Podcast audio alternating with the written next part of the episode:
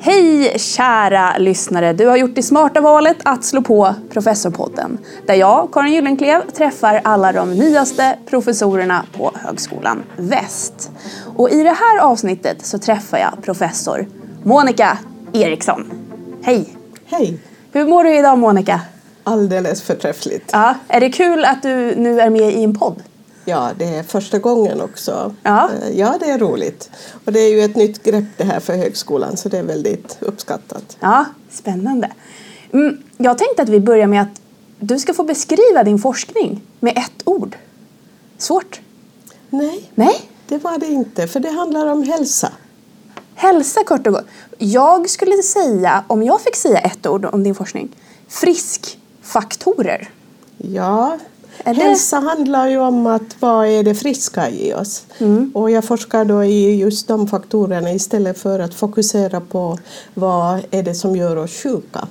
Så du kan också säga friskfaktorer. Ja, Men hälsa handlar det om, inte ohälsa och sjukdom. ja. och det, det känns ju som en ganska positiv approach ändå. Istället för ja, men att se liksom hur, hur håller vi oss friska och, och undviker Eh, sjukdom så gott det går.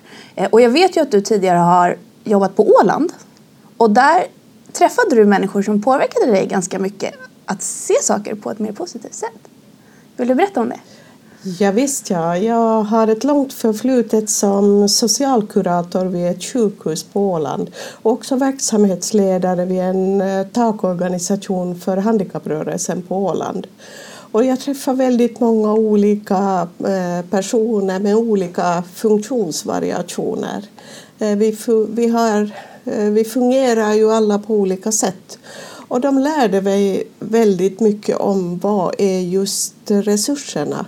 De, tidigt i min anställning där så sa de till, dig, till mig att Monica, varför fokuserar du alltid på det vi inte kan istället för det vi kan? För vi är så eh, problemfokuserade vanligtvis. Eh, vi ser hinder överallt istället för att se människors resurser och förmågor. Men ehm, om vi ska eh, dyka lite djupare i friskfaktorer då. Ehm, vad finns det för faktorer som ökar chansen för att vi ska må bra och ha en god hälsa? Min forskning eh, fokuserar just på att vi finns i meningsfulla sammanhang eh, som vi på något sätt begriper vår egen... Vi förstår oss själva i ett större sammanhang. Och det kan vara i eh, vilka vardagssituationer som helst. Och det, vi vet, forskningen visar att om vi har en och upplever en känsla av att vi finns i meningsfulla och begripliga sammanhang, ja då kan vi också hantera dem på ett bättre sätt och då mår vi bättre. Då klarar vi av den här stressen på ett bättre sätt. Mm. Men, och, det skulle till exempel kunna vara ett arbete där man känner att man, man gör meningsfulla saker. Men det kan också vara saker utanför va? Eh, Om du, du nämnde arbetet och där kan vi ju väldigt konkret se att om vi har tydliga mål eh, och tydliga eh, strukturer, att hur är arbetet organiserat, ja det gör det också lättare för oss att förstå vår egen roll i det större sammanhanget. Men visst, det handlar ju om mig själv i ett sammanhang på fritiden, inom familjen, var som helst. Mm. Eh, människor, vi fungerar, vi finns ju alltid i något sammanhang. Ja. Men om man kanske upplever att man inte riktigt har en sån känsla av sammanhang. Hur ska man hitta den? Egentligen tror jag att vi alla, vi skapar ju alla ett sammanhang. Vi kan ta ett exempel att vi har en väldigt stressfull situation. Det har hänt en allvarlig sjukdom, någon har drabbats i vår familj väldigt allvarligt. Då är det ju en väldigt stressfull situation. Och på något vis, för att överleva och för att klara den här stressen så skapar vi oss ett sammanhang. Mm. Vi tar till oss kanske att ja, det handlar om den och den diagnosen men jag behöver inte fördjupa mig mer i det just nu. Men på något sätt så menar jag att vi alla skapar ett sammanhang. Det är ju en överlevnadsmekanism också. Mm. Och sen behöver vi inte alltid tänka i termerna av att, att vi ska förstå och vi ska kunna hantera och det ska vara meningsfullt. Men visst skapar vi ju sammanhang. Mm. Men vi, det hjälper oss om vi också blir medvetna om att om jag kan skapa någon form av sammanhang så mår jag bättre. Mm. Men hur, hur mycket kan känsla av sammanhang som då friskfaktor eller friskfaktor eh, hjälpa en person? För det är ju inte så att det botar cancer eller sådär. Men på vilket sätt? Det är ju ingalunda så att det botar sjukdomar och sjukdomssymptom.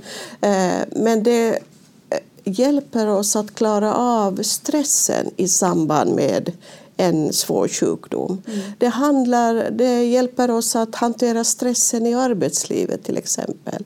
Så den forskning jag håller på den har ju sitt ursprung i stressforskning. Mm. Hur klarar vi stressen? Om vi tänker då att, eh, att vi försöker se oss i ett sammanhang det kan vara ett litet sammanhang, det kan vara ett större sammanhang. För Eh, vi är ju ständigt utsatta av förändringar. Förändringar i familjen, förändringar på arbetsplatsen. Se bara vad som händer i samhället. Vi möts ständigt av förändringar. Mm. Och om vi då kan eh, placera oss själva och skapa ett eget sammanhang så klarar vi av de förändringarna på ett bättre sätt. Mm. Men eh, skulle du säga att det främst handlar om, om psykisk hälsa? Eh, om jag ser till min forskning så är det, eh, handlar det mycket om just mental hälsa. Mm. Eh, den här forskningen har mycket lägre samband med fysisk hälsa.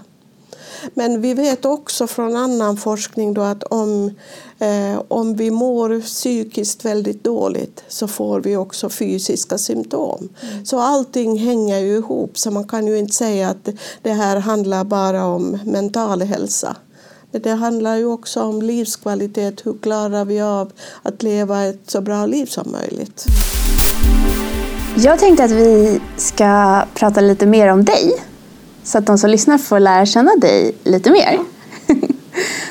eh, och det går ut på att du kommer avsluta mina meningar. Det är liksom vägen till att lära känna dig bättre, tänker jag. Då börjar jag så här. Jag är rädd för... Öppet hav. För öppet hav? Öppet hav, ja havet ser så fint ut när man ser på ytan. Ja. Och så vet man inte vad det finns där under. Och då, om man inte har den kunskapen att man kan navigera så kan det gå riktigt tokigt. Gillar du inte att, att, att simma? Tycker du det är läskigt också? Att ja, du inte ja, vet vad det finns för? Jag ska bottna då om jag ska simma. jag simmar inte ute på öppet hav. Nej.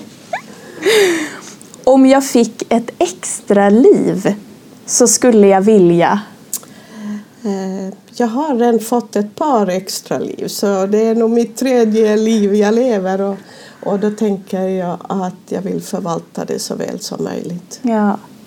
Hur, hur skulle du säga att du har fått extra liv? Eh, jag föddes eh, väldigt för tidigt för många, många år sedan och då var det inte alls självklart att jag skulle klara mig och så blev det ändå så bra som det blev och sen har jag också drabbats av sjukdom som eh, som det höll på att gå på tok. Mm. Men eh, jag är ju en överlevare så, eh, så det har gått bra. Ja, ja men vad bra. En bok som alla borde läsa är? Ja, det finns ju väldigt många böcker men en bok som eh, hör ihop med min forskning och det är ju Viktor Frankls Livet måste ha mening. Mm.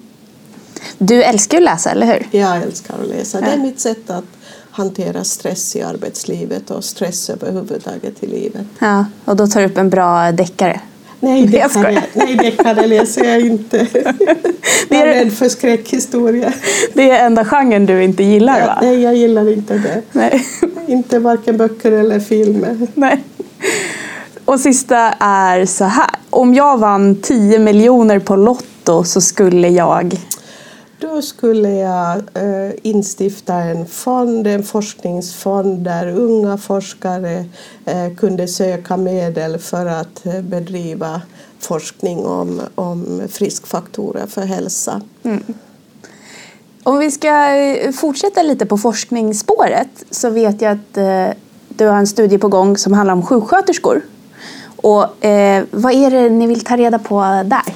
Ja, särskilt är det att vi vill ta reda på vad är det som gör att sjuksköterskor orkar vara kvar i professionen och orkar vara kvar i arbetet. Mm, för det är många som slutar va? Eh, det är en del som slutar ett antal år kort efter utbildningen men så är det också en förflyttning från eh, eh, landstingssjukvården till kommunerna och då eftersöker man det här lite lugnare tempot. Ja. Så det är ju viktigt att vi inte bara utbildar folk som inte sen orkar i arbetslivet. Mm. Så därför är det, den här studien den handlar väldigt mycket, den, vi frågar sjuksköterskor vad det är som gör att de orkar stanna kvar. Ja. Har ni fått några svar? Eh, vi håller på med analysen så eh, jag vill inte i det här skedet ännu gå ut med eh, forskningsresultat. Nej. Men det kommer. Ja, Okej, okay. ja, vad spännande. Vad, vad skulle du säga driver dig som forskare? Det är nog en nyfikenhet att alltid veta lite mer om det. Ju mer man studerar och ju mer man forskar ju mer inser man hur lite man egentligen kan. Ja. Och då driver det en att ja, jag vill veta lite, lite till. Ja. Och så är man inne i karuseller. Och det är väldigt roligt. Men om man har en sån läggning då känns det som att man kommer aldrig sluta. Man kommer vara liksom forskare for life. Jag säger så här, att vara forskare är ju också en livsstil. Det blir ju en livsstil. Mm. Eh, men jag vill ha ett liv utanför forskningen också. Eh, så jag kommer att forska. Jag brukar säga att jag brukar eh, säga att jag ska forska så länge som jag är någorlunda klar i knoppen. Mm. Ja, hittills verkar det inte vara någon fara. Tack.